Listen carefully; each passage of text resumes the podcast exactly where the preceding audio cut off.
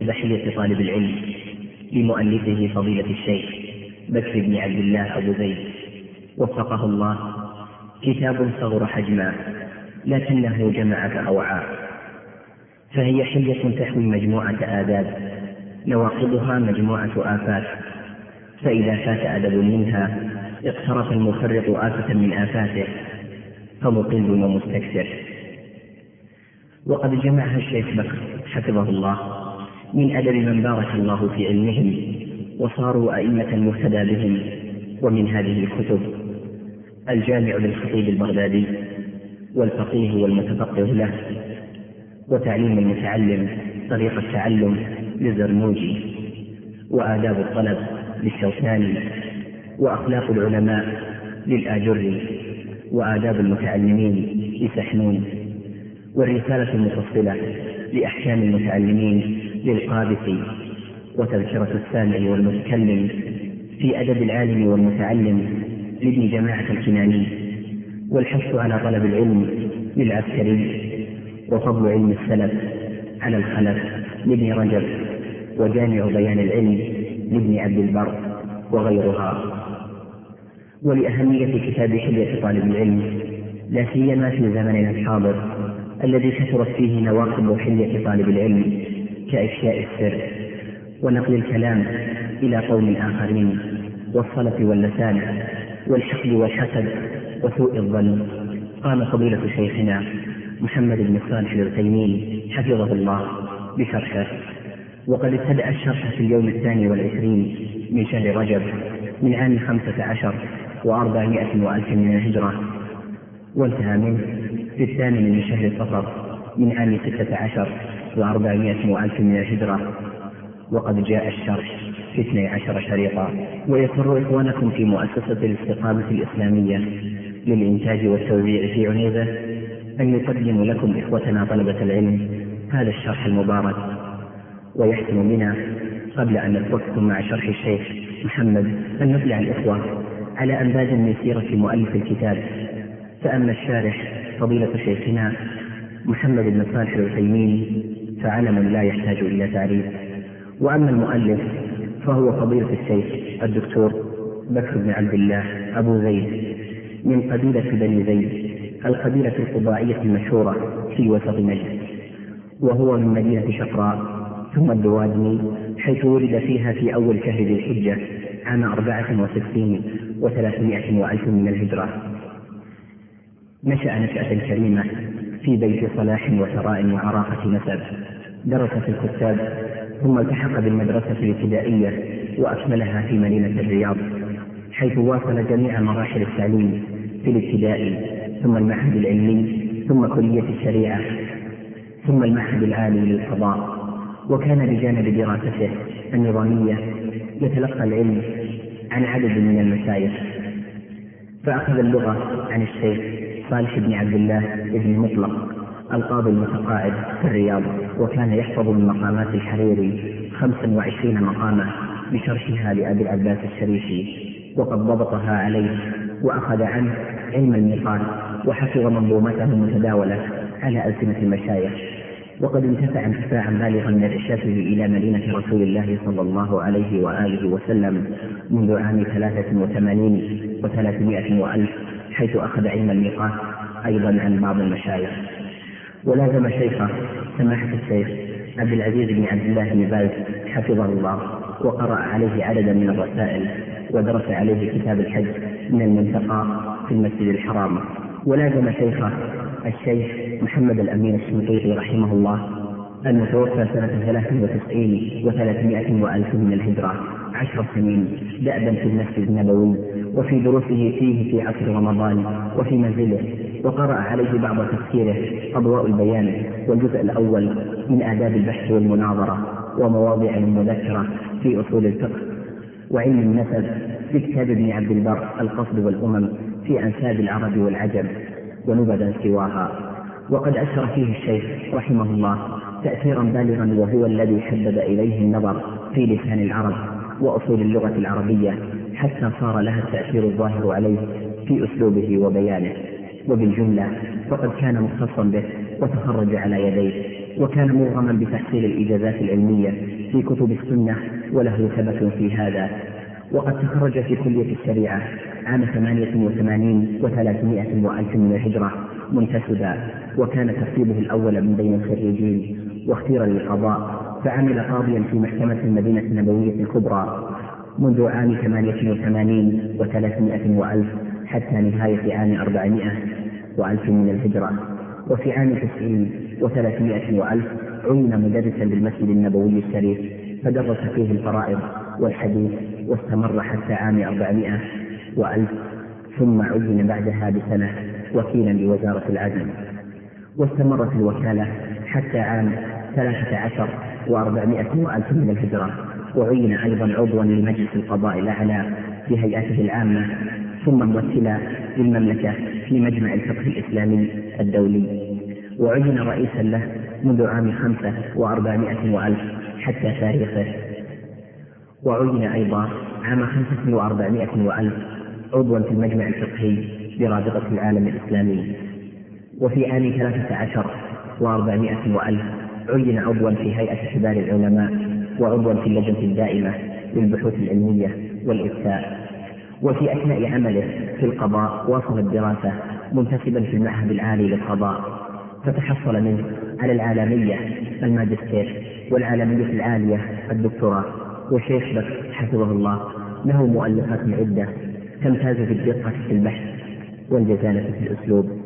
طبع منها نحو خمسين مؤلفة منها ابن القيم حياته وآثاره وموارده والتقريب لعلوم ابن القيم وفقه النوازل مجلدان ومعجم المناهي اللفظية وطبقات النسابين ومعرفة النسخ الحديثية والتحديث فيما لا يصح فيه الحديث وحلية طالب العلم وهو أصل هذا الشرح الذي نقدمه لكم والتعالم والرقابة على التراث وتعريب الألقاب العلمية وآداب طالب الحديث من الجامع للخطيب والتراجم الذاتية والعزاب من العلماء وغيرهم وتسمية المولود وعقيدة ابن أبي زيد القيرواني والرد على من خالفها وتصنيف الناس بين الظن واليقين وحكم الانتماء وهجر المبتدع والتحذير من مختصرات الصابوني في التفسير وبراءة أهل السنة من الواقع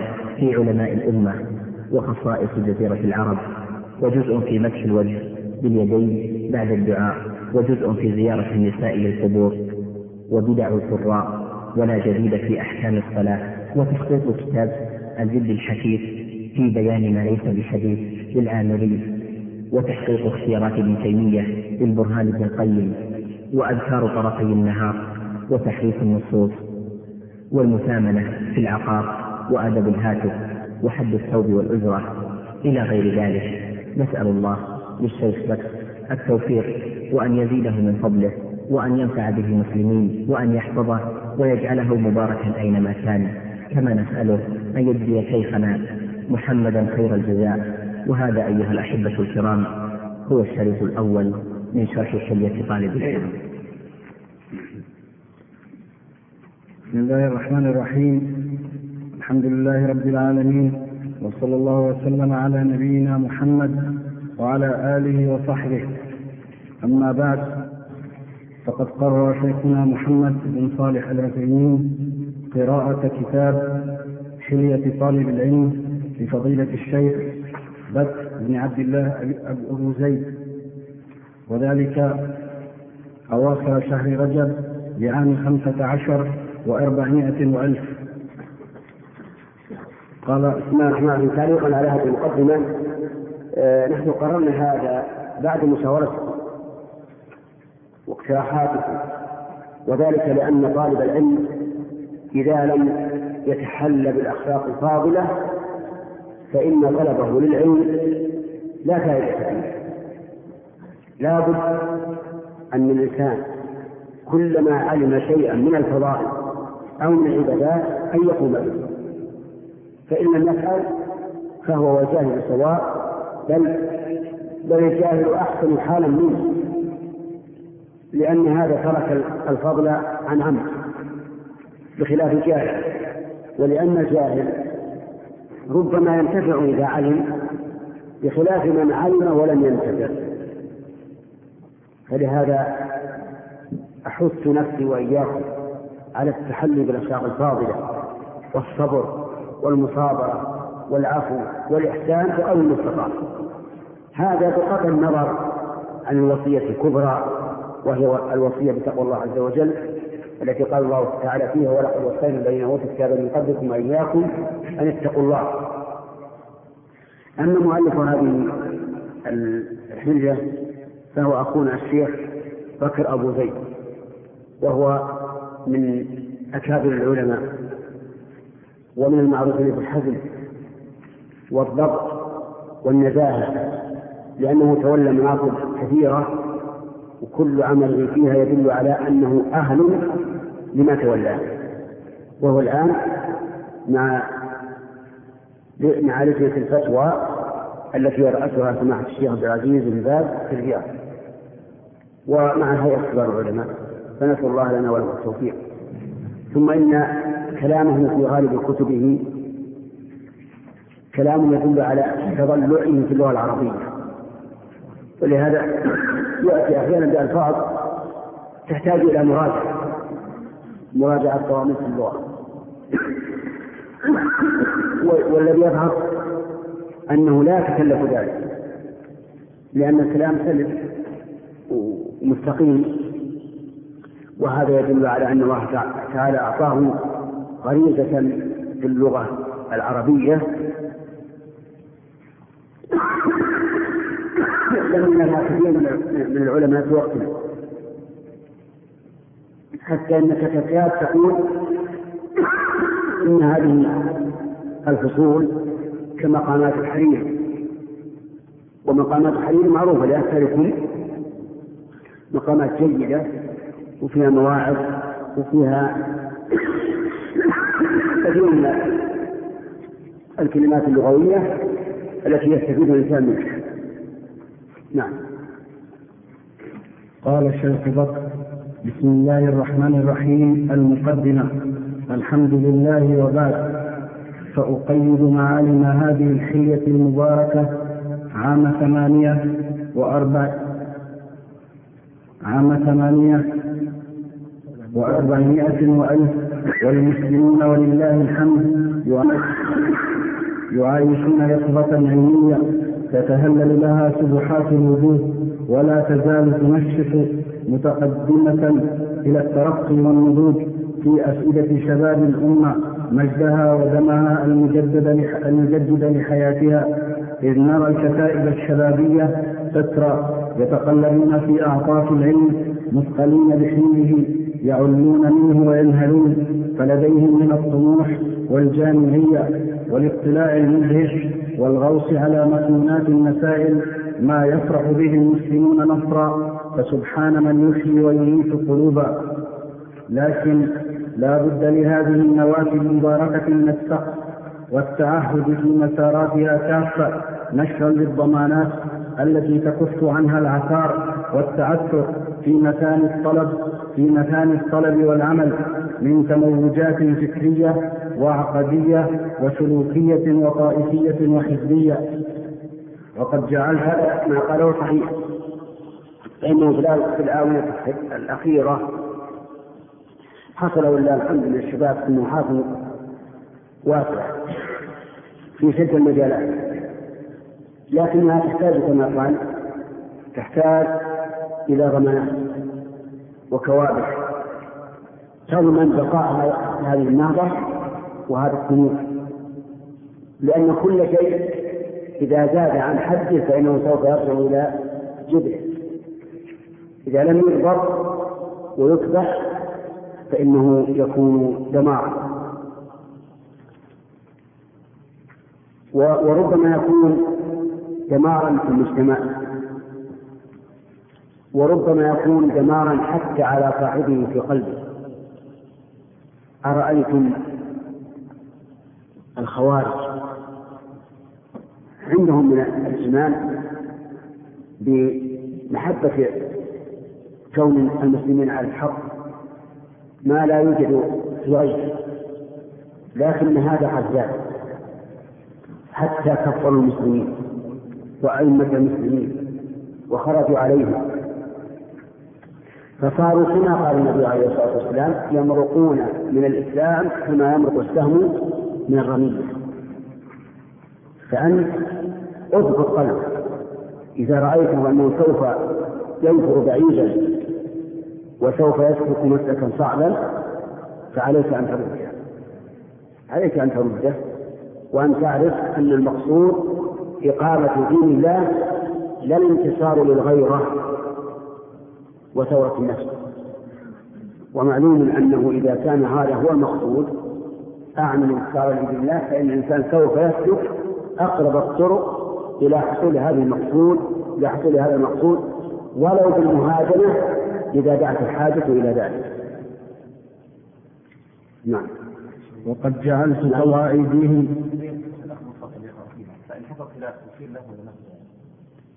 ها؟ والنسخة اللي عندي غير النسخة اللي يقرأ فيها هنا منفصل لين هو ما ما تغير اللي عندي. يعني تغير إيش؟ طبعا الخلاف لا يكون لكن منبه ولا منبه. إذا كان كلمة كلمة سنة ما له إذا لم يتغير معنى ما له وك... ها؟ نعم. نعم. الظاهر مراد الاجتماع. أو أو جمع المعلومات.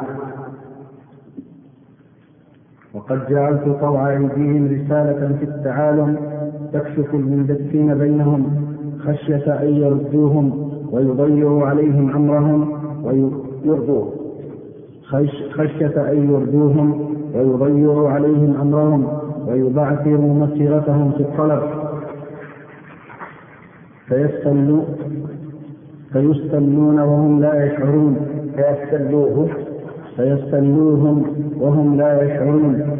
واليوم أخوك يشد عضدك ويأخذ بيدك. فإن الآن هذا الكتاب بعد بعد التركع نعم.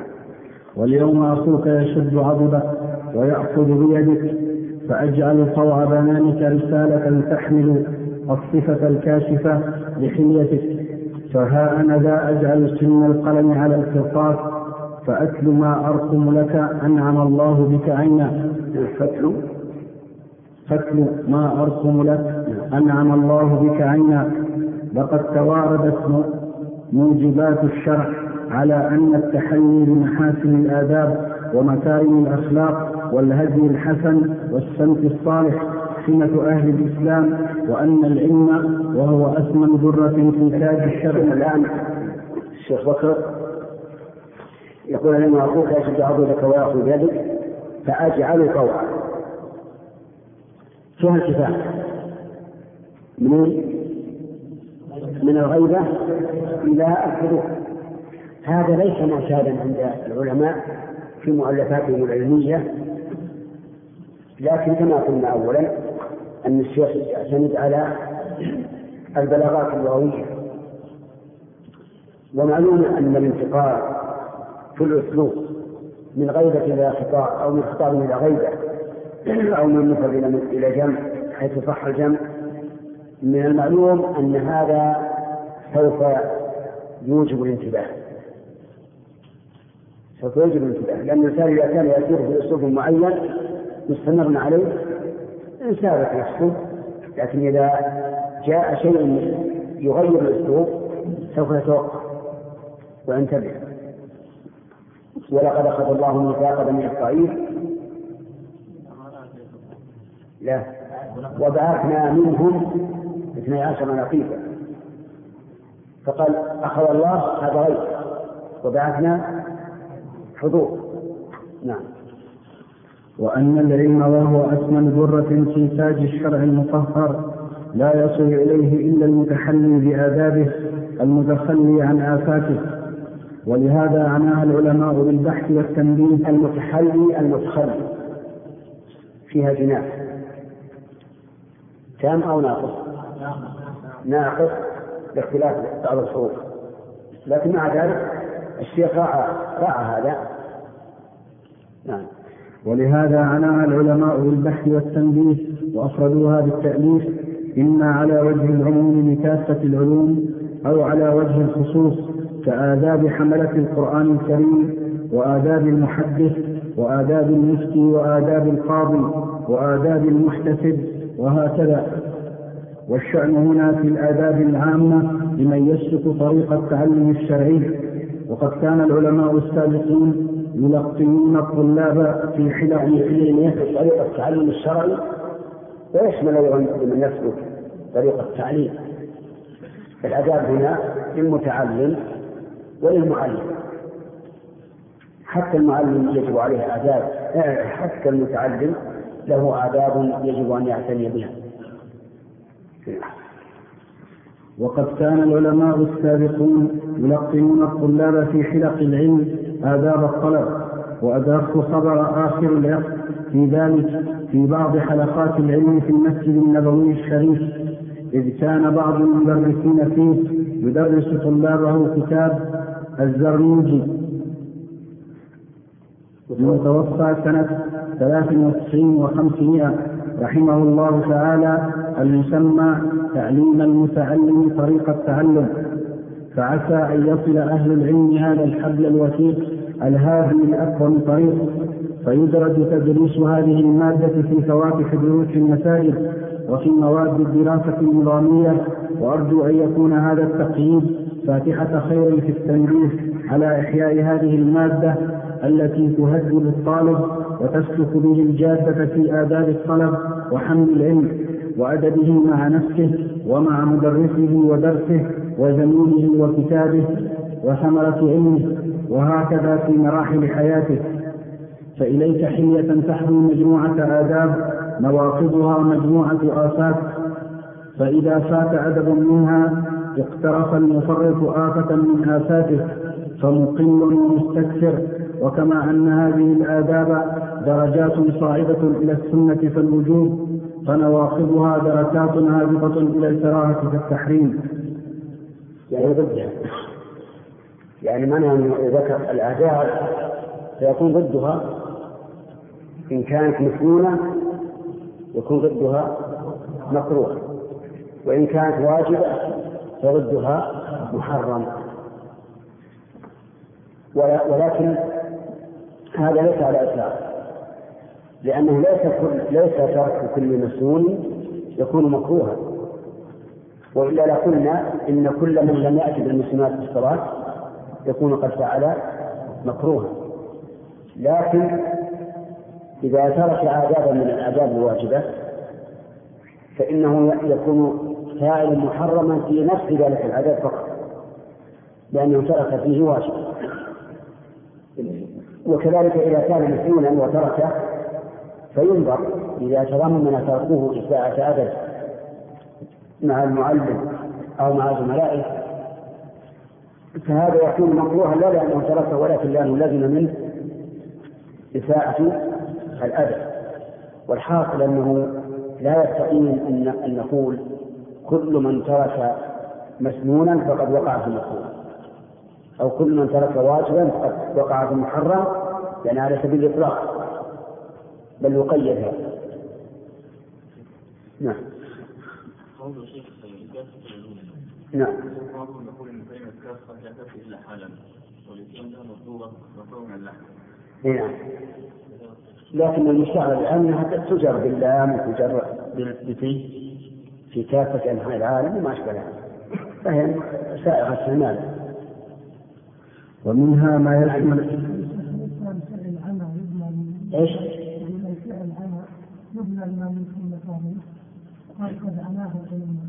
لا ما لا بأس. من هذه؟ التي عني به. نعم. الفرق اللغة العربية. ولهذا يقول إن عناه عناه بكذا يعني أراده. نعم. ومنها ما يشمل عموم الخلق من كل مكلف ومنها ما يختص به طالب العلم ومنها ما يدرك بضرورة الشرع ومنها ما يعرف بالطبع ويدل عليه عموم الشرع من الحمل على محاسن الآداب ومكارم الأخلاق ولم أعني الاستنساء. لكن لكن سياقتها تجري على سبيل ضرب المثال قاصدا الدلالة على المهمات فإذا وافقت فإذا وافقت نفسا صالحة فإذا وافقت نفسا صالحة لها تناولت هذا القليل فكثرت وهذا المجمل ففصلت ومن أخذ بها انتفع ونفع وهي بدورها مأخوذة من أدب من بارك الله في علمهم وصاروا أئمة يهتدى بهم جمعنا الله بهم في جنته آمين. بكر بن عبد الله أبو زيد في اليوم الخامس من الشهر الثامن عام ثمانية وأربعمائة وألف. ذكر كتب متعددة في الحاشية. جيدة. نعم. أقرأ الحاشية؟ أقرأ الحاشية ولا؟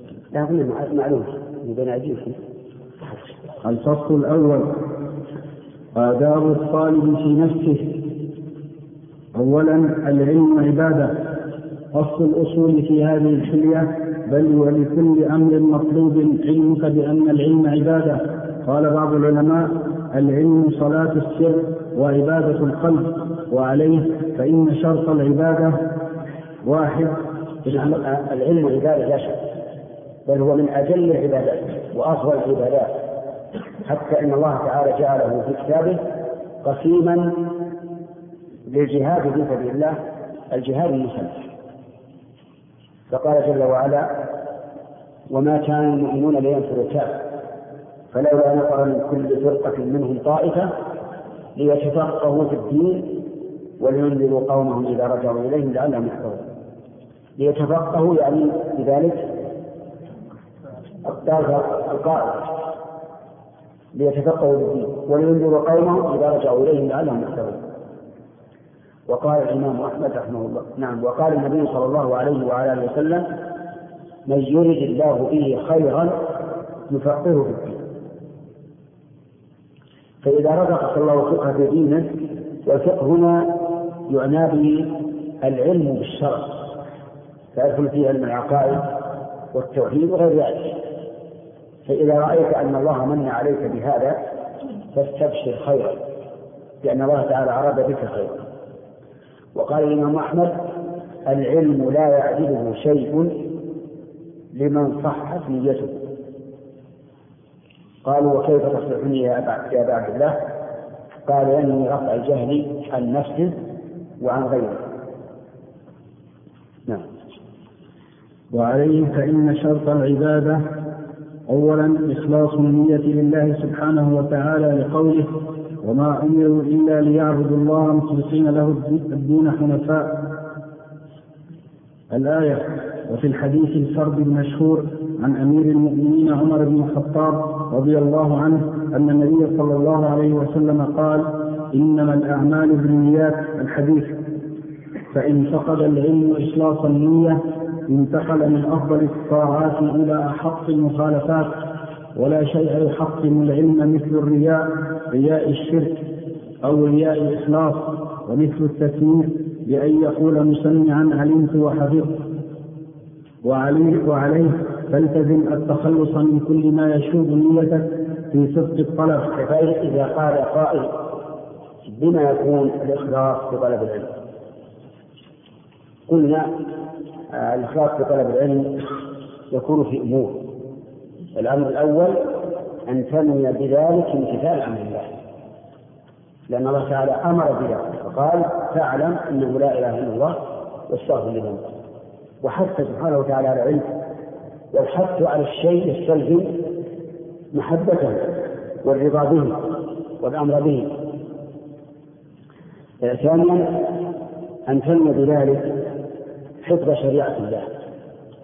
لأن حفظ شريعة الله يكون بالتعلم ويكون بالكتاب يعني بالتعلم والحفظ في الصدور ويكون كذلك بالكتابة كتابة ال- الكتب.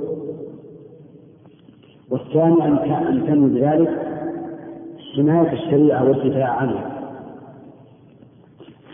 لأنه لولا العلماء ما حمت الشريعة. ولا دافع عنها أحد. ولهذا نجد مثلا شيخ الإسلام ابن تيمية وغيره من أهل العلم الذين تصدوا لأهل البدع وبينوا بطلان بدعهم نرى أنهم حصلوا على شيء كثير والرابع أن تم بذلك اتباع شريعة محمد صلى الله عليه وعلى آله وسلم. لأنك لا يمكن أن تتبع شريعته حتى تعلم هذه الشريعة واضح؟ هذه هذه أمور أربعة كلها يتضمنها قولنا إنه يجب الإخلاص لله في طلب العلم. انتهى الحمد لله رب العالمين وصلى الله وسلم على نبينا محمد وعلى آله وصحبه. قال الشيخ بكر بن عبد الله الوزير وعليه فالتزم التخلص من كل ما يشوب نيتك في صدق الطلب كحب الظهور والتفوق على الأقران وجعله سلما لأغراض وأعراض من جاه أو مال أو تعظيم أو سمعة أو طلب محمدة أو صرف وجوه الناس إليك فإن هذه وأمثالها إذا شابت النية أفسدتها وذهبت بركة العلم ولهذا يتعين عليك أن تحمي نيتك من شوب الإرادة لغير الله تعالى بل وتحمي الحمى.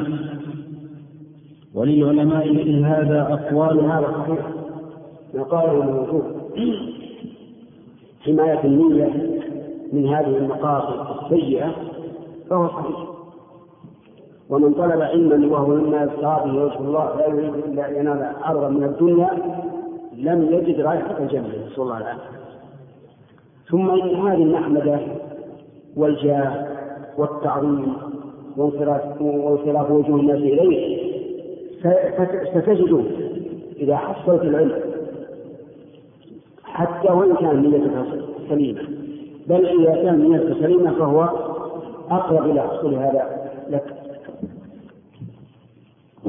نعم. بل وتحمل الهمة؟ إيش؟ ما معنى قوله بل وتحمل الهمة؟ في قوله ولهذا يتعين عليك أن تحمي نيتك من شوق الإرادة لغير الله بل وتحمل الهمة. نعم تحمي النية وتحمي ما حوله حمى الشيء ما حوله كما في الحديث ألا وأن لكل مالك حمى ألا وأن حمى الله محارمه بارك الله فيكم ما هو الفرق بين حب الظهور وحب نفع الناس؟ لا لا بالظهور إنه ما يريد بذلك إلا أن يظهر أمام الناس فقط. اما حب نفع الناس ثم يأتي من بعد الظهور ما ما يظهر. وهذا يجب يجب الانسان فرق. حب الظهور يظهر ويشار إليه بالأصابع ويثنى عليه بالألسن وما أشبه ذلك. أما من عاد الناس ما يهمه سواء ظهر عند الناس أو ما ظهر. ها؟ مو متلازم لا. لكنه مع أحسن النية حصلت له هذه الأمور. يعني تعظيم الناس له وتصويرهم إياه واعتبار قوله وما وما أشبه ذلك هذا أحسن من النية السليمة ففرق بين أن أن يريد النتائج الحاصلة من من من أمور من مظاهر الدنيا وبين أن يريد الآخرة ثم تأتي هذه النتائج. الحاصلة من مظاهر الدنيا مضارة ما واضح نعم. خالد. نعم. ما أظن فيها تفصيل نعم. لا المنافسة غير هذا المنافسة أن يحب لكن لا يريد أن يسبق ليكون فوق صاحبه فيكون أعلى منه. الفرق دقيق. يعني فرق من يقول أنا اريد أن أطلب العلم لأكون فوق الناس وفوق اقران فقط. وبين من يحب أن يتفوقه في العلم للعلم. بينهما فرق واضح. مبارك. هنا. وإلا فهذا عمر رضي الله عنه تمنى أن ابن عمر أجاب النبي صلى الله عليه وسلم لما قال إن من الشجر شجره مثلها مثل المؤمن وخاض الصحابة في شجر البوادي كلهم ما عرفوها يقول ابن عمر فوقع في قلبي أنها النخلة لكن كنت أسأل القوم فلم أتكلم. فتمنى عمر أنه تكلم؟ نعم وللعلماء في هذا أقوالا ومواقف. كيف؟ العرض العرض الذي عرض الدنيا. كل ما كل ما يحصل في الدنيا هو عرض من أعراضها سيجوز نعم. وللعلماء في هذا أقوالا ومواقف بينت طرفا منها في المبحث الأول من كتاب التعالم ويزاد عليه نهي العلماء عن الصبوليات وهي المسائل التي يراد بها الشهرة.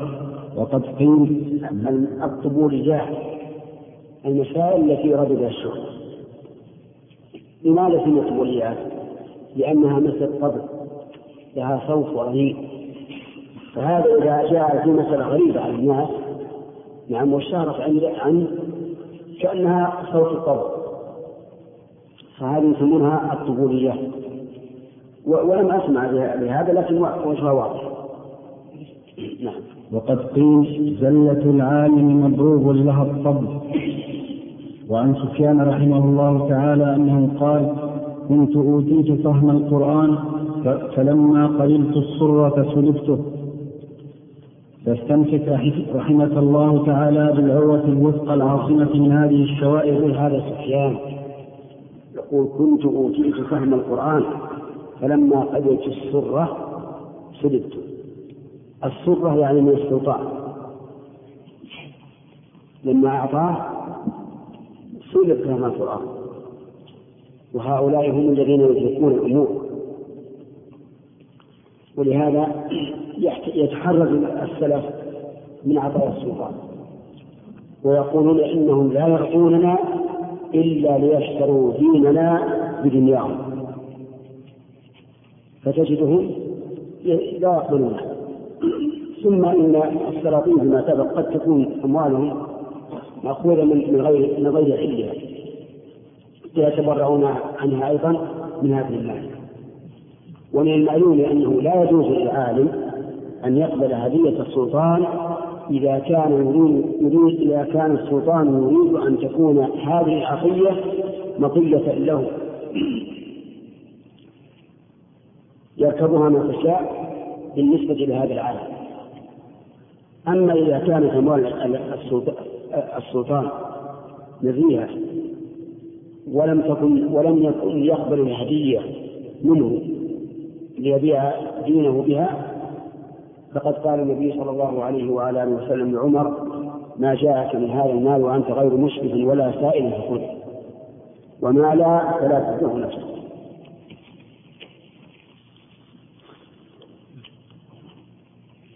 وغرض سفيان رحمه الله من ذلك التحرير من هذا. وتبكيت نفسه على ما صح نعم. فاستمسك رحمك الله تعالى بالعروة الوثقى العاصمة من هذه الشوائب بأن تكون مع بذل الجهد في الإخلاص شديد الخوف من نواقبه عظيم الافتقار والالتجاء إليه سبحانه. ويؤثر عن سفيان بن سعيد الثوري رحمه الله تعالى قوله ما عالجت شيئا أشد علي من نيتي وعن عمر بن بر أنه قال لوالده معنى ذلك ما أدري هل هو قول آخر أو نقل بالمعنى يقول ما عالجت نفسي على شيء أشد من معالجتها على الإخلاص وهذا بمعنى كلام صحيح لأن الإخلاص شديد. ولهذا من قال لا إله إلا الله خالصا من قلبه فإنه يدخل الجنة. وهو أسعد الناس بشفاعة النبي صلى الله عليه وعلى آله وسلم. نعم. وعن عمر بن بر أنه قال لوالده يا أبي ما لك إذا وعظت الناس أخذهم البكاء وإذا وعظهم غيرك لا يبكون. فقال يا بني ليست النائحة الثكلاء مثل النائحة المستأجرة. الله أكبر. هذا مثل عظيم. النائحة الثكلاء يعني التي فقدت ولدها. هذه تبكي بكاء من القلب. و... والنائحة المستأجرة ما يؤثر نوعها ولا بكاؤها لأنها تصطنع البكاء ولكن مثل هذا الكلام الذي يروي عن السلف يجب أن يحسن الظن به وأنهم لا يريدون بذلك مدح أنفسهم وإنما يريدون بذلك حث الناس على إخلاص النية والبعد عن عن الرياء وما أشبه ذلك. وإلا لكان هذا تزكية للنفس واضحة. والله عز وجل يقول لا تزكوا أنفسكم هو أعلم بما يتقى لكن السلف رحمهم الله بعلمنا بمقامهم وإخلاصهم يجب أن نحمل ما ورد عنهم مما يحتمل هذا المعنى الفاسد أن نحمله على المعنى الصحيح. نعم. نعم عبيد الله. عبيد الله.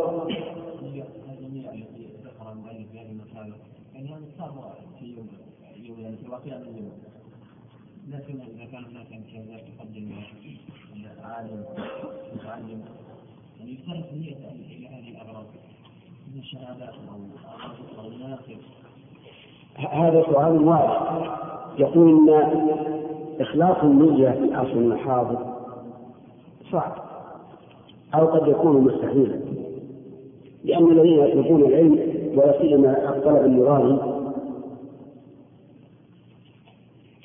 يطلبون العلم لنيل الشهادة وهذا ليس لله. فنقول إذا كنت تطلب العلم لنيل الشهادة فإن كنت تريد من هذه الشهادة أن ترتقي مرتقى دنيويا فالنية فاسدة أما إن كنت تريد أن ترتقي إلى مرتقى تنفع الناس به لأنك تعرف اليوم أنه لا يمكن الإنسان من ارتقاء المناصب العالية الموجهة للأمة إلا إذا كان معه شهادة. فأنا الآن أقصد بهذه الشهادة أن أنال ما ما أنفع به الناس. فهذه نية طيبة ما ما ما ما, ما لا الإخلاص الآن لو وجه عالم جيد في شتى ضلوعه لكن ليس معه شهادة. لا يتمكن من تدريس الثاني. هذا هو الواقع. نعم. لكن لا يأتي واحد ما يعرف. كوعه من كسور ومعه شهادة. نعم. يقبل. يقبل في الجامع ما دام معه شهادة فالإنسان حسب نيته ها؟ إيش؟ الامتيازات كل هذه ما ما تضر. هذه تدخل في قوله ما جاءك من هذا المال وأنت غير مشرك ولا شيء ولا سليم. بالنسبة للطلاب أكثرهم الصغار ما عندهم نية الطلب للدنيا وطلب الغير الصغير صغير الصغار يا رجال. الصغير إذا صفرته مستسلم نعم. كيف؟ حتى إلى الثانوي. حتى إلى الثانوي. ما يوجدون هذا ما ما يوجد كلهم توهم صعب. نعم. سفيان رحمه الله تعالى فلما قدمت سورة الفهم فهم القرآن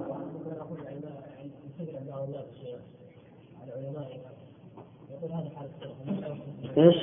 حال السلف رحمه الله تعالى نعم لم يقوم بالجزء عن شرعي واخذ اموالهم وكذا والان حال تغير هذا الأيام علماءنا مثلا يقوم بهذه الاشياء مثلا استخدام السلاطين والجلوس معهم فيكون هذا قدحا هذا إذا أخذ هذه أول ما يأخذ عليه هو. هذا مثل الناس اللي في زمن سفيان هذا الذي ينتقد العلماء. ما هو مثل بينه وبينهم مثل ما بين سفيان وغيره. أنت الآن كلك أكلت المال والجمال. وفقك الله لرشدك آمين. الشرط الثاني الخصلة الجامعة لخير الدنيا والآخرة. محبة الله تعالى ومحبة رسوله صلى الله عليه وسلم وتحقيقها بتمحض المتابعة وقف الأثر للمعصوم.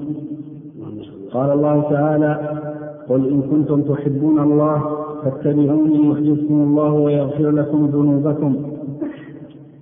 وبالجملة فهذا يعني لا شك أن المحبة لها أثر عظيم في الدفع والمنع.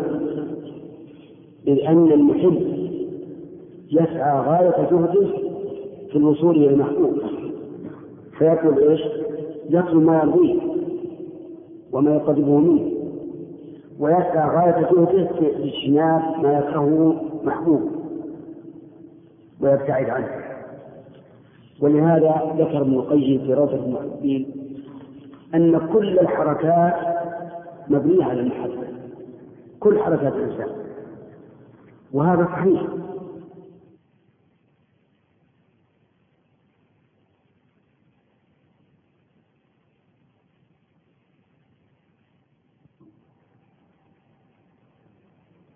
أبتعد عنه. ولهذا ذكر ابن القيم في روضة المحبين أن كل الحركات مبنية على المحبة كل حركات الإنسان. وهذا صحيح. لأن الإرادة لا تقع من شخص عاقل إلا لشيء يرجو نفعه أو دفع ضرر. وكل إنسان يحب ما ينفعه ويكره ما يضره. فالمحبة في الواقع هي هي القائد والسائق إلى الله عز وجل. تقود الإنسان وتسوق وانظر إلى الذين كرهوا ما أنزل الله. كيف قال الله تعالى ذلك؟ بأنهم كرهوا ما أنزل الله فأحبط أعمالهم. صارت نتيجتهم الكفر لأنهم كرهوا ما أنزل الله. فالمحبة كما قال الشيخ هي الجامعة لخير الدنيا والآخرة. أما محبة الرسول عليه الصلاة والسلام فإنها تحملك على متابعته ظاهرا وباطنا لأن الحبيب يقلد محبوبه حتى في أمور الدنيا حتى في أمور الدنيا تجده يقلد محبوبه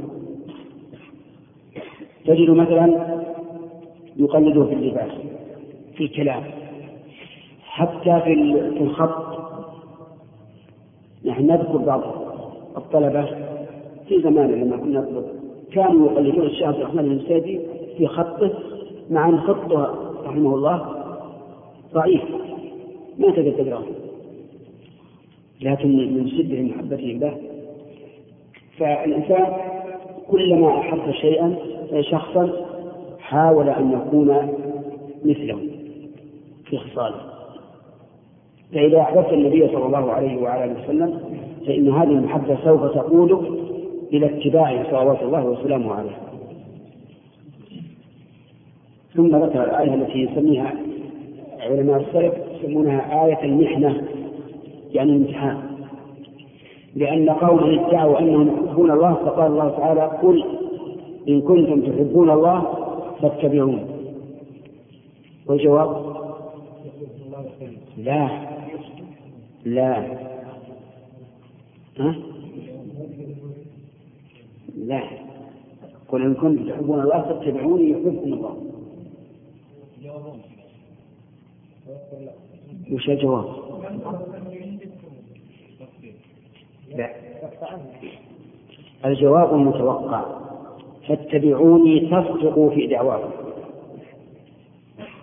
لأن الآن الشرط والمشروط إن كنتم تحبون الله فاتبعوني تصدقوا في دعواكم أنكم تحبون الله. لكن جاء الجواب اتبعوني يحببكم الله. إشارة إلى أن الشأن كل الشأن أن أن يحبك الله عز وجل. هذا هو الثمر وهو المقصود. وإلا لكان قل إن كنتم تحبون الله فاتبعوني يعني تصدقوا في دعواكم. لكن جاءت يحببكم الله لأن هذا هو الثمر. فالشأن كل الشأن أن الله يحبك جعل الله وإياكم من أحبابه لا أن تحب الله لأن كل إنسان يدعي ذلك. وربما يكون ظاهرك محبة الله لكن في قلبك شيء لا يقتضي أن الله يحبك فتبقى غير حاصل على الدمار نعم. هل يدخل بالنية سوء النية أن يقول الإنسان أنا أحفظ هذا الشيء مثلا إرضاء لشيخي أو لأحفظ على يعني مكان عن شيء. ويا أخي نيات القلوب دقيقة للغاية. ربما ربما يقول أنا أحفظ الشيء لأجل يشجع الطلاب. أن يحفظه ربما يقول يقول أنا صائم اليوم. يوم الاثنين أو أيام البيت.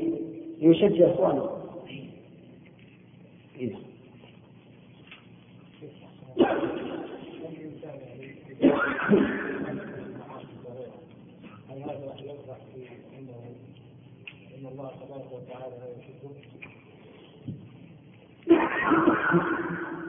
إن الله سبحانه وتعالى حكم العدل يعطي كل عامل بقدر عمله فقد يكون هذا الشخص محبوبا إلى الله من وجه ومكروها إليه من وجه آخر هذا الذي عليه أهل السنة والجماعة أن الإنسان يجتنب في حقه إيمان وكفر طاعة ومعصية ويكون محبوبا من وجه ومكروها من وجه آخر ثلاثة. يلا. هل يخرج من هذه الآية ثم إذا كان رجل ثم زاد المحبة في مع الله هذا المحبة سببا للوفاة الذي قتل. لا بد من التوبة. وهو إذا أحب الله لا بد أن يتوب. لا بد أن أن يتوب. نعم. وبالجملة فهذا أصل هذه الحلية ويقعان منها موقع التاج من الحلة.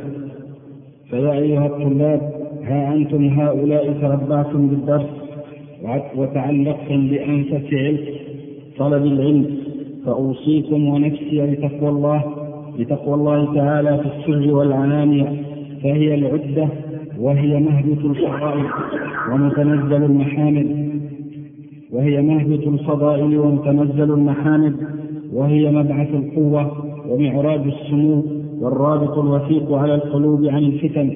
فلا تفرطوا. نعم. صدق رحمه الله وعفى عنه. ويدل لهذا قول الله تعالى يا أيها الذين آمنوا إن تتقوا الله يجعل لكم فرقانا. إن تتقوا الله يجعل لكم فرقانا تفرقون به بين الحق والباطل وبين الضار والنافع وبين الطاعة والمعصية وبين أولياء الله وأعداء الله. إلى غير ذلك.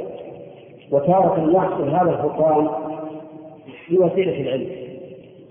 يفتح الله على الإنسان من العلوم ويسر له تحصيلها أكثر من من لا يتق الله. وتارة يحصل له هذا الفرقان بما يلقيه الله تعالى في قلبه من الفراق. قال النبي صلى الله عليه وعلى آله وسلم ان يكن فيكم محدثون فعمر. فالله تعالى يجعل لمن اتقاه فراسة يتفرس بها فتكون موافقة للصواب. فقوله تعالى يجعلكم فرقانا يشمل الفرقان بوسائل العلم والتعلق والفرقان بوسائل الفراسة والإلهام. أن الله تعالى يلهم الإنسان التقي ما لا يلهم غيره. وربما يظهر لك هذا في مجراك في طلب العلم. تمر بك أيام تجد قلبك خاشعا. منيبا إلى الله. مقبلا إليه مستحيا له. فيفتح الله عليك مفاتح معارف كثيرة. يمر بك غفلة ينغلق قلبك. وكل هذا تحقيق لقول الله تبارك وتعالى يا أيها الذين آمنوا إن تتقوا الله يجعل لكم فرقانا ويكفر عنكم سيئاتكم ويغفر لكم. ثلاث فوائد. وإذا غفر الله للعبد أيضا فتح الله عليه أبواب المعرفة. قال الله تعالى إنا أنزلنا إليك كتابا الحق لتحكم بين الناس بما أراك بما أراك الله ولا تكن لصاحب خصيما وبعدها واستغفر الله. ولهذا قال بعض العلماء ينبغي للإنسان إذا استفتي أن يقدم استغفار الله حتى يدين له الحق. لأن الله قال لتحكم من قال واستغفر الله. نعم. الأمر الثاني من آداب الطالب في نفسه. كن على جادة السلف الصالح. كن سلفيا على الجادة طريق السلف الصالح من الصحابة. رضي الله عنهم ومن بعدهم ممن قفى أثرهم في جميع أبواب الدين من التوحيد والعبادات ونحوها متميزا بالتزام آثار رسول الله صلى الله عليه وسلم وتوظيف السنن على نفسك وترك الجدال والمراء والخوض في علم الكلام وما يجلب الآثام ويصد عن الشرع. هذا من أهم الإنسان يكون على طريقة السلف الصالح في جميع أبواب الدين من التوحيد والعبادات والمعاملات وغيرها. كذلك أيضا يترك الجدال والمراء لأن الجدال والمراء هو الباب الذي يقفل طريق الصواب. فإن الجدال والمراء يحمل المرء على أن يتكلم لينتصر لنفسه. فقط. حتى لو بنى له الحق تجده إما أن ينكره وإما أن يؤوله على وجه مستكره انكسار لإيش؟ لنفسه وإرغاما لخصمه على الأخذ بقوله. فإذا رأيت من أخيك جدالا ومراء بحيث يكون الحق واضحا تفر منه فرارة من الأسد نعم بحيث يكون واضحا ولكنه لا لا, لا لم يتبعه تفر منه فرارة من الأسد وقل ليس عندي إلا هذا اتركه وكذلك الصوت بعلم الكلام. الصوت بعلم الكلام أيضا مضيع للوقت. لأنهم يتكلمون بأشياء من أوضح الأشياء. مر علي اليوم في دراسة بعض الطلبة يقول لك ما هو العقل؟ حد العقل عرف العقل لغة واصطلاحا وشرعا وعرفا هذه ما تعريفه يحتاج إلى العقل والصح نعم؟ ما يحتاج لكن أنه ندخل علينا الأشياء هذه. زيادة الواحد أنه مدة وش العقل هذا؟ سبحان الله. الظاهر أنه لو يفكر تعريف العقل صار مجنون. نعم. لأن هذا أمر واضح. ما يحتاج إلى تعريف لكن هؤلاء أخذوا الكلام. صدوا الناس عن الحق وعن المنهج السلفي البسيط بما يريدونه من الشبهات والتعريفات والحدود وغيرها. وانظر كلام الشيخ الإسلام رحمه الله في الرد على المنطقيين يتبين لك الأمر. أو في نقل المنطق وهو مختصر وأوضح لطالب العلم. يتبين لك ما هم عليه من الضلال. ما الذي حمل علماء جهابذة على أن يسلكوا باب التأويل في باب الصفات؟ إلا إلا علم الكلام. لو كان كذا لكان كذا. لو كان مستوى العرش حقيقة لازم أن يكون محدودا. لماذا؟ لأن العرش محدود. لو كان يرى لازم أن يكون في جهة. وإذا كان في جهة لازم أن يكون جسما وهذا مجرد يعطونك من الكلام الذي يضيعك وهم يظنون أنهم يأتونك سواء السبيل. فإذا من المهم لطالب العلم أن يترك الجدال والمراء وأن يترك ما يرد على ذهنه من الإيرادات إذا قلنا كذا فكيف يكون كذا؟ أترك هذه الأشياء. لا تتنقطع اجعل علمك سهلا ميسرا. يعني الأعرابي يجي بعيره يسأل النبي عليه الصلاة والسلام عن مسائل الدين وينصرف بدون مناقشة لأنه ليس عنده إلا التسليم. أما المناقشات والمراء والجدال فهذا يضر الإنسان. فالشيخ أبو بكر جزاه الله خير يعني أنح إلى هذا الأمر. وما يجلب الآثام ويصد عن الشر. نعم. علم الكلام علماء علم الكلام يقولون يعني يوقفون نفسهم بأنهم خطأ إيش؟ يعني يصفون لأنفسهم نحن خطأ كل واحد نحن إيش؟ أسد. أصل؟ أسد. أسد إيه. والناس الذين يحاربون معه قد صعد يحربون منه. وكذلك ذكرت يحاربون من الخطر يعني إذا تقول في نفسي أمر منهم كما تمرون من الرسل.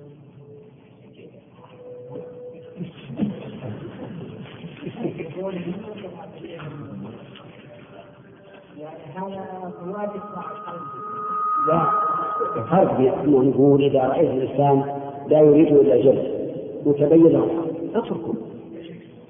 فر منه ثلاث الناس لأنك لو تبقى من غروب الشمس إلى طلوعها ما ما أبدا وربما ترتفع الأصوات ويحصل الغضب وربما يحصل السب والشتم نعم قلنا إن يعني والمجادل ويعلم ان غيره على حق. يعني لا في حال مجادلة. لا أما بيان بطلان قول لا بد أن تبين للناس نعم. بسم الله الرحمن الرحيم. الحمد لله رب العالمين وصلى الله وسلم على نبينا محمد وعلى آله وصحبه. قال الشيخ بكر بن عبد الله أبو قال الذهبي رحمه الله تعالى وصح عن الدار قطني أنه قال ما شيء أبغض إلي من علم الكلام نعم. 12 سطر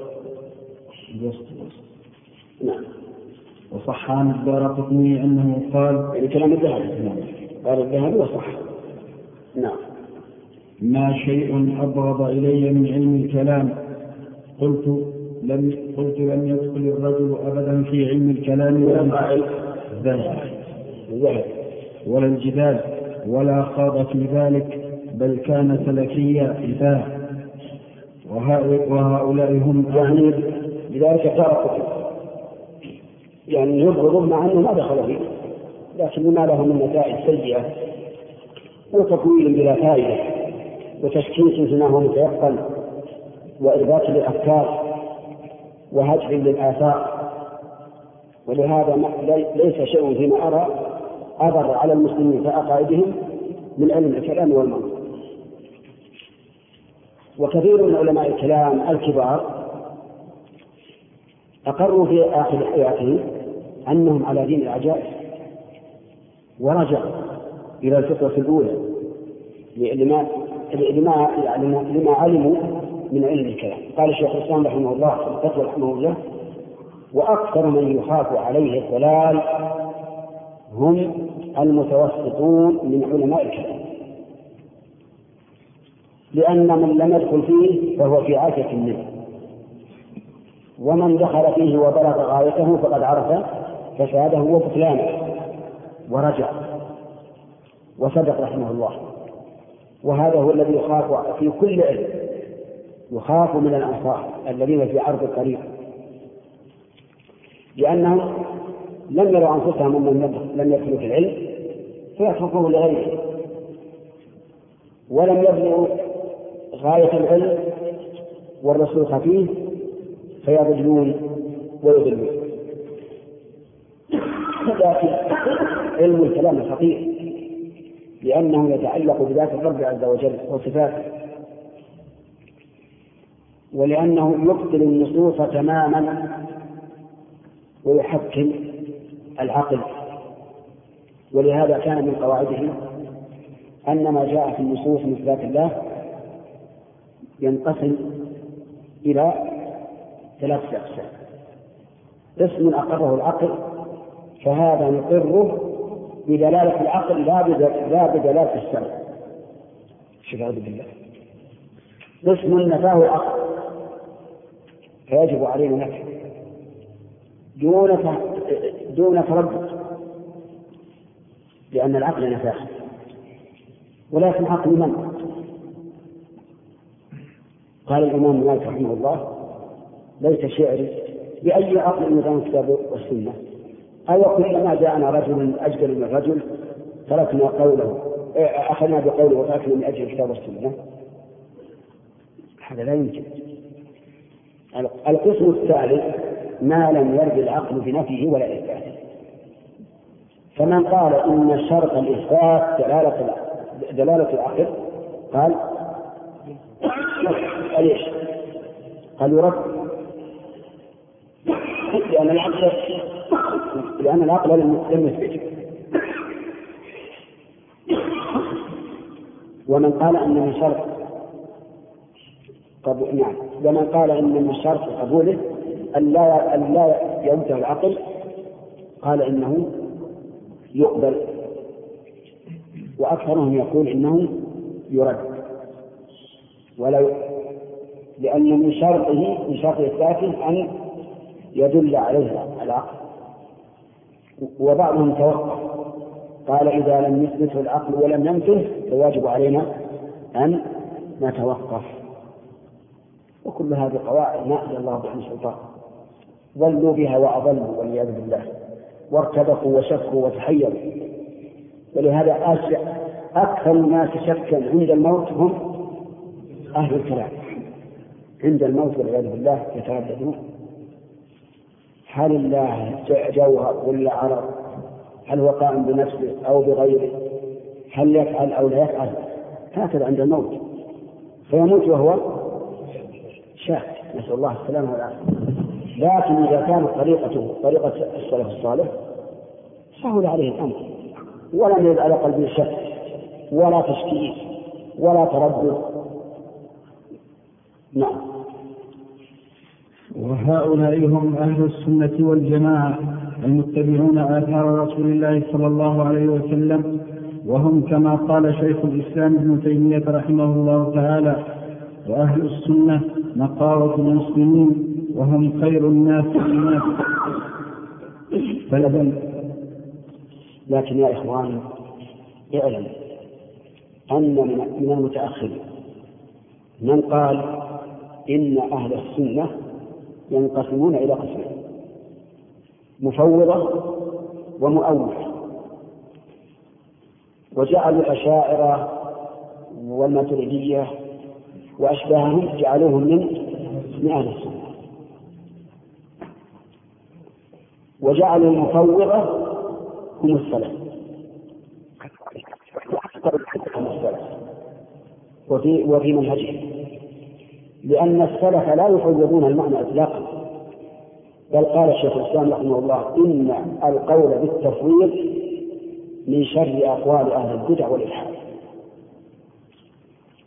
واستدل بذلك بأننا إذا كنا لا ندري معاني ما أخبر الله به عن نفسه من أسماء وصفات نعم. إذا كنا لا ندري جاءنا الفلاسفة إلا بحبس قلت أنتم جهال. نحن الذي عندنا العلم. ثم تكلموا بما يريدون وقالوا المراد بالنص كذا وكذا ومعلوم أن معنى للنص خير من توقف فيه. وأن وأن وأنه ليس له معنى. فأنتبهوا لهذا. أن بعض الناس يرى أن أهل السنة والجماعة يدخل فيهم المتكلمون من الأشاعرة والماتريدية وغيرهم ويقسم السنة إلى قسمين. مفوضة إيش؟ ومؤولة ثم يقول من العجب العجاب طريقة السلف أسلم. وطريقة الخلف أعلم وأعلم. سبحان الله. كيف تكون طريقة السلف أعلم أسلم. وطريقة الخلف أعلم وأحكم. وهل يمكن أن تكون طريق أعلم وأحكم وليس بأسلم. بل يلزم من كون طريقة الخلق أعلم وأحكم أن تكون أسلم بلا شك. لأن شخصا يقول هذا النص له معنى وعناوين به أعلم بلا شك وأحكم من شخص يقول ما أدري وعندي من منزلة ألف باء كأس ما أدري فلا سلامة إلا بالعلم والحكمة. العلم بالحق واتباع الحق. الحكمة اتباع الحق والعلم أكبر فهذا تناقض عظيم. ولهذا كان القول الصحيح في هذه العبارة أن طريقة السلف أسلم وأعلم وأحكم. جعلنا الله وإياكم على هذه الطريقة نعم. فالزم السبيل ولا تتبعوا السبل فتفرق بكم عن سبيله. الأمر الثالث من آداب الطالب في نفسه. يلزم من كوننا نحث الطلبة على منهج السلف. يلزم من ذلك تحريضهم على معرفة منهج السلف. أليس كذلك؟ فنطالع الكتب المؤلفة في هذا كثيرة النبأ وغيرها النبلاء وغيرها. حتى نعرف طريقهم ونسلك هذا المنهج القوي. أما نقول اتبع السلف ولكن ما ماذا يفعلون فهذا ناقص في العلم. نعم. ملازمة خشية الله تعالى. التحلي بعمارة الظاهر والباطن والباطن بخشية الله تعالى محافظا على شعائر الإسلام وإظهار السنة ونشرها بالعمل. بالعمل بها والدعوة إليها دالا على الله بعلمك وسمتك وعملك متحليا بالرجولة والمساهلة والسمت الصالح. وملاك ذلك خشية الله تعالى. ولهذا قال الإمام أحمد رحمه الله تعالى أصل العلم خشية الله تعالى. وهذا الذي قاله وهذا الذي قاله الإمام أحمد صحيح. أصل العلم خشية الله. وخشية الله هي الخوف المبني على العلم والتعظيم. خشية الله هي العلم فهي هي الخوف المبني على إيش؟ على العلم والتعظيم. ولهذا قال الله تعالى إنما يخشى الله من عباده العلماء. فالإنسان إذا علم الله عز وجل حق العلم وعرفه حق المعرفة فلا بد أن يقوم في قلبه خشية الله. لأنه إذا علم ذلك علم عن رب عظيم عن رب قوي عن رب قاهر عن رب عالم بما يسر ويخفي الإنسان. فتجده يقوم بطاعة الله عز وجل أتم أتم قيامه. إنما يخشى الله من عباده العلماء. قال العلماء والفرق بين الخشية والخوف أن الخشية تكون من عظم المخشي والخوف من ضعف الخائف. الخوف يكون من ضعف الخائف وإن لم يكن المخوف عظيما. ولهذا يخاف الصغير من فتى أكبر أكبر منه قليلا. لكن الأكبر من هذا الفتى يخاف من الفتى ولا لا؟ وين أنتم يا أخوان؟ يا جماعة الصبي الصغير له سنتين يخاف من صبي له ست سنوات كذا ولا لا؟ طيب لعظم المخوف ولا لقصر الخائف؟ لقصر الخائف طيب هذا الذي له ست سنوات يخاف من من له عشر سنوات إذا ليس عظيما فالفرق بين الخشية والخوف أن الخشية تكون من من عظم المخشي والخوف من نقص الخائف من نقص الخائف. ولهذا بعض الناس يخاف من, لا شيء لأنه رعيد تعرفون الرعيد؟ جبان. يخاف من كل شيء. ولهذا يضرب المثل بالرجل يقال هو يخاف من ظلاله. يمشي مثلا في القمر فيرى الظلال يقول هذا واحد لا حقيقة ثم يهرب وهذا وهذا الظلال ها؟ نعم. تقطع رجليه وهو يقول أنا نجوت من هذا من هذا الرجل. لأنه جبان فالحاصل ان الخشية أعظم من الخوف. ولكن قد يقال خف الله. فلا تخافوهم وخافوني إن كنتم مؤمنين. وهذا في مقابل في مقابلة فعل فعل هؤلاء الذين يخافون من الناس نعم.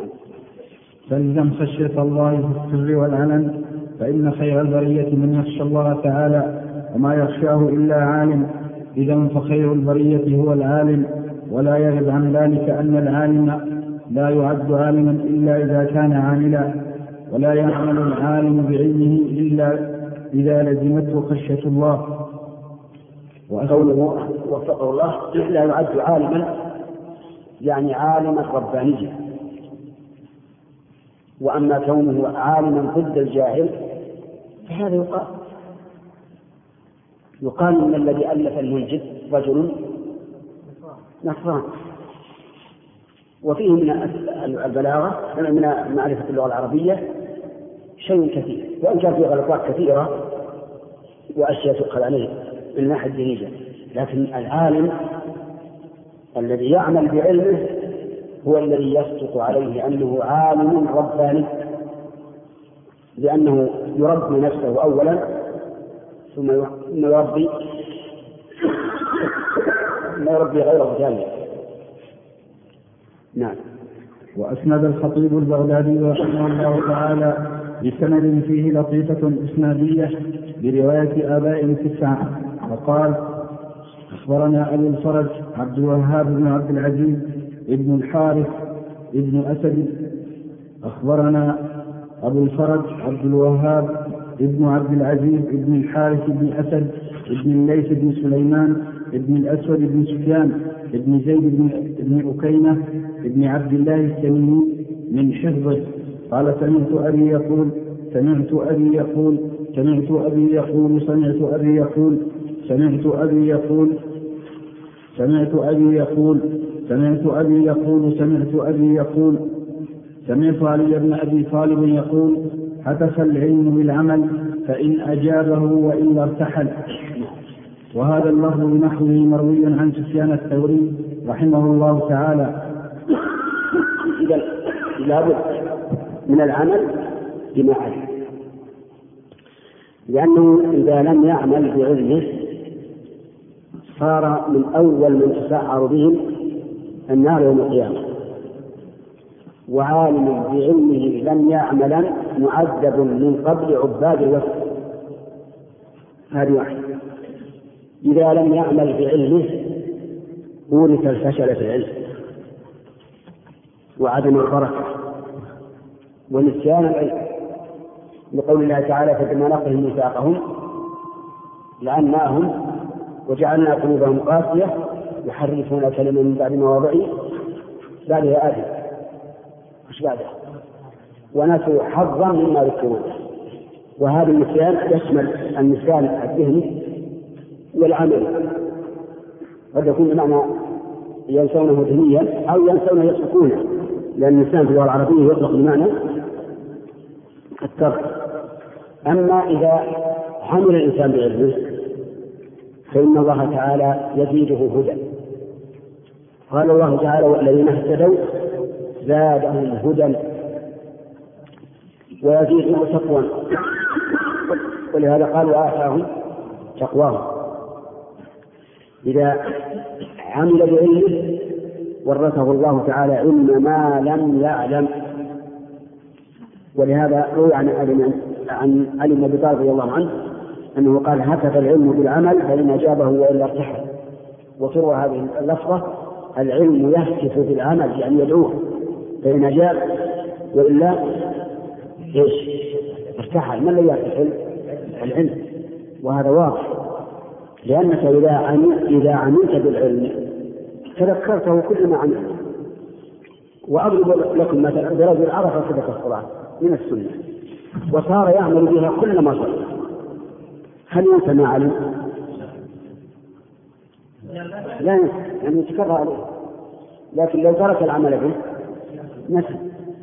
وهذا هذا دليل محسوس على أن العمل بالعلم يوجب ثبات العلم. ولا ينفع. نعم. الأمر الرابع دوام المراقبة. التحلي بدوام المراقبة بالله تعالى في السر والعلن. سائرا إلى ربك بين الخوف والرجاء فإنهما للمسلم كالجناحين للطائر. فأقبل على الله بكليتك يمتلئ قلبك بمحبته ولسانك بذكره والاستبشار والفرح والسرور بأحكامه وحكمه سبحانه. نعم هذا من المهم.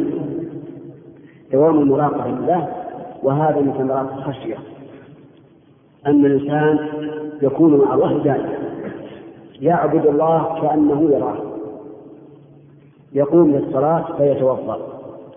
وكأنه ينفذ قول الله تعالى يا أيها الذين آمنوا إذا قمتم إلى الصلاة فغسلوا وجوهكم. يقوم يتوضأ وكأنه ينظر إلى رسول الله صلى الله عليه وعلى آله وسلم وهو يتوضأ ويقول من توضأ نحن وضوئها.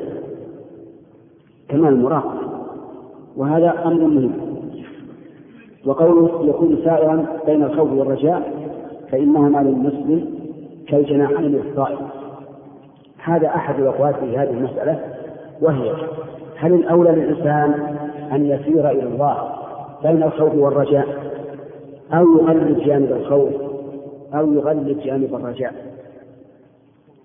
الإمام أحمد رحمه الله يقول ينبغي أن يكون خوفه ورجاؤه واحدا فأيهما غلب هلك صاحبه.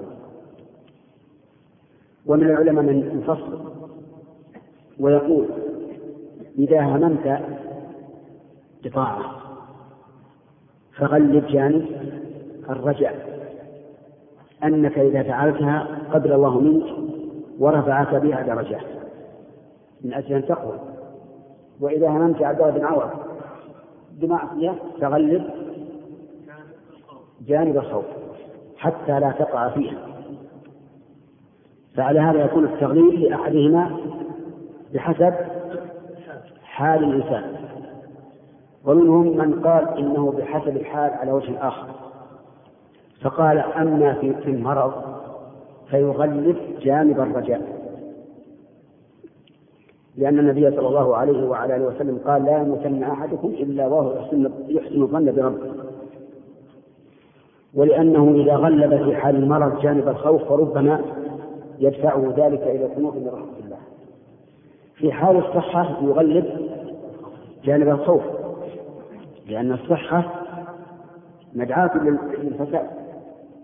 كما قال الشاعر الحكيم إن الشباب والفراغ والجدة مفسدة للمرء أي مفسدة؟ يعني مفسدة عظيمة. والذي أرى أن الإنسان يجب أن يعامل حاله بما تقتضيه الحال.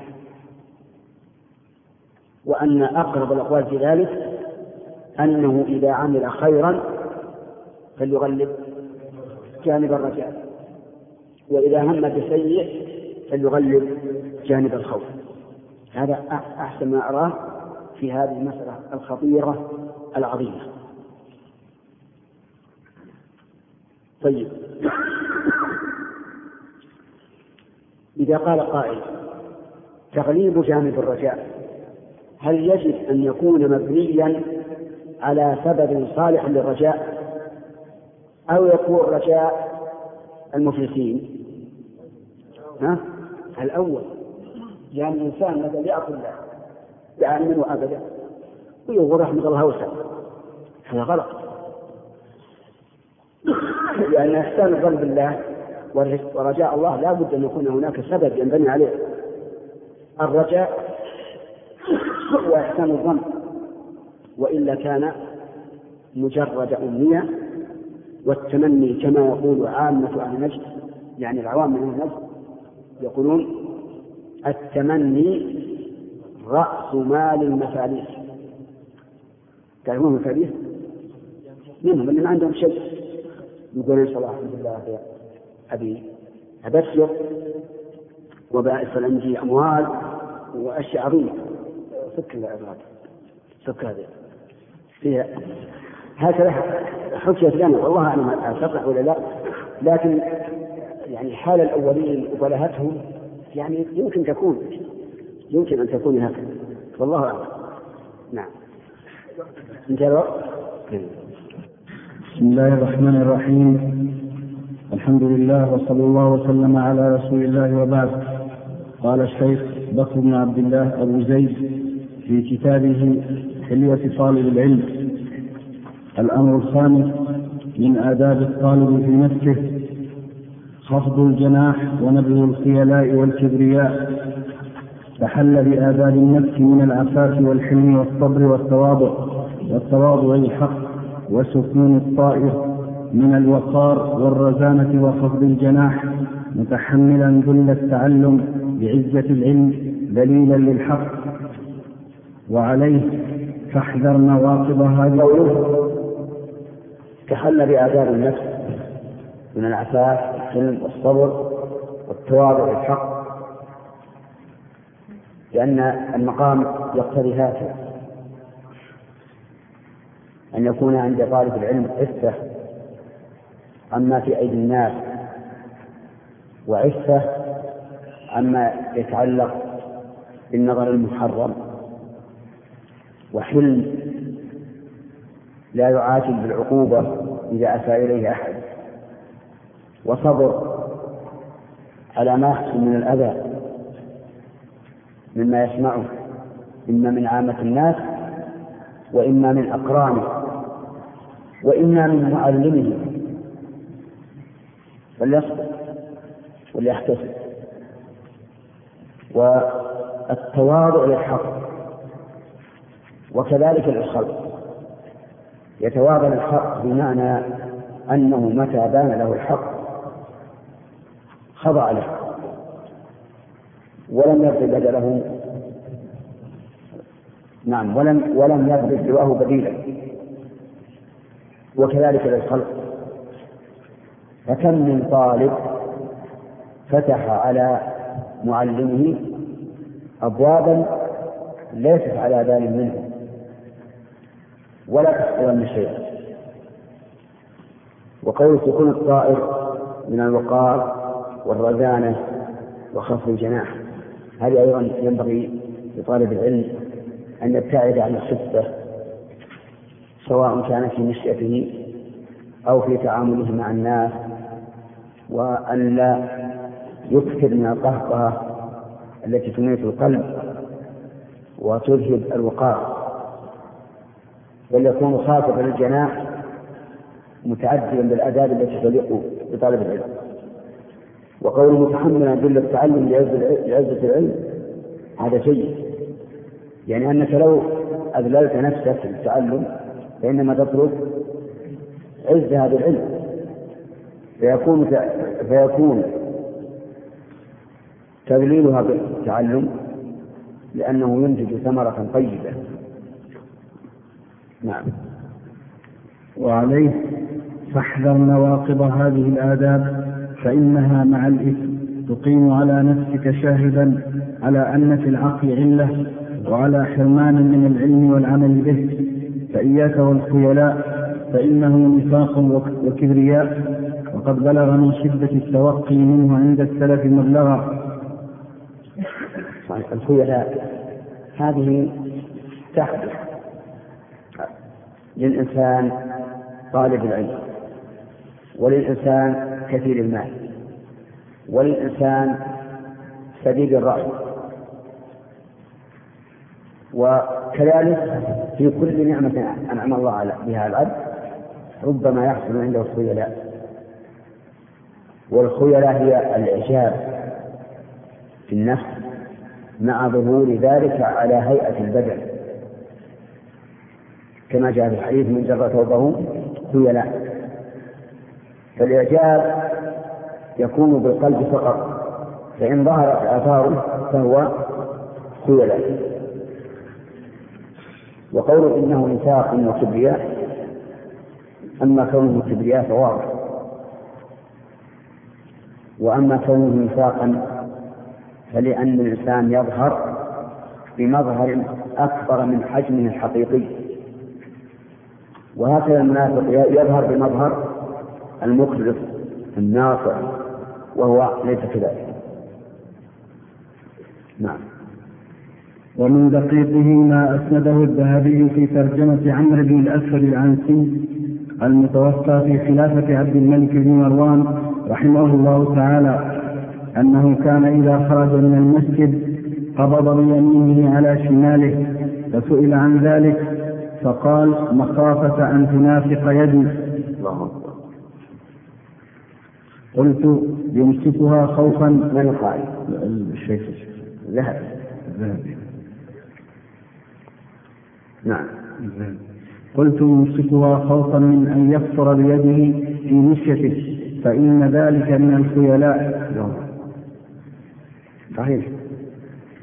يخطر في يده يعني يحركها تحريكا معينا يدل على أنه أن أنه عنده كبرياء وعنده خيلاء. فيقبض بيمينه على شماله لئلا تتحرك نعم. ومن دقيقه يا شيخ ولا من دقيقته؟ إيش؟ يقول ومن دقيقه ما أسنده الذهبي. إيه نعم. ما هي من دقيقة ما أسنده الذهبي؟ لا من دقيقه أي الحذر الحذر من نواقض هذه الآداب التي ذكرها. وهذا العارض عرض للعنسي رحمه الله تعالى. واحذر داء الجبابرة الكبر فإن الكبر والحرص والحسد أول ذنب عصي الله به. فتطاولك على معلمك كبرياء واستنكافك عمن يفيدك ممن هو دونك كبرياء وتقصيرك عن العمل بالعلم حمأة كبر وعنوان حرب حرمان. العلم حرب للفتى المتعالي كالسيل حرب للمكان العالي. نعم. احذر داء الجبابرة وهو الكبر وقد فسره النبي صلى الله عليه وسلم في ختام نسأل الله وأوضح في لقاءات متجددة مع تحيات مؤسسة الاستقامة الإسلامية للإنتاج والتوزيع في عنيزة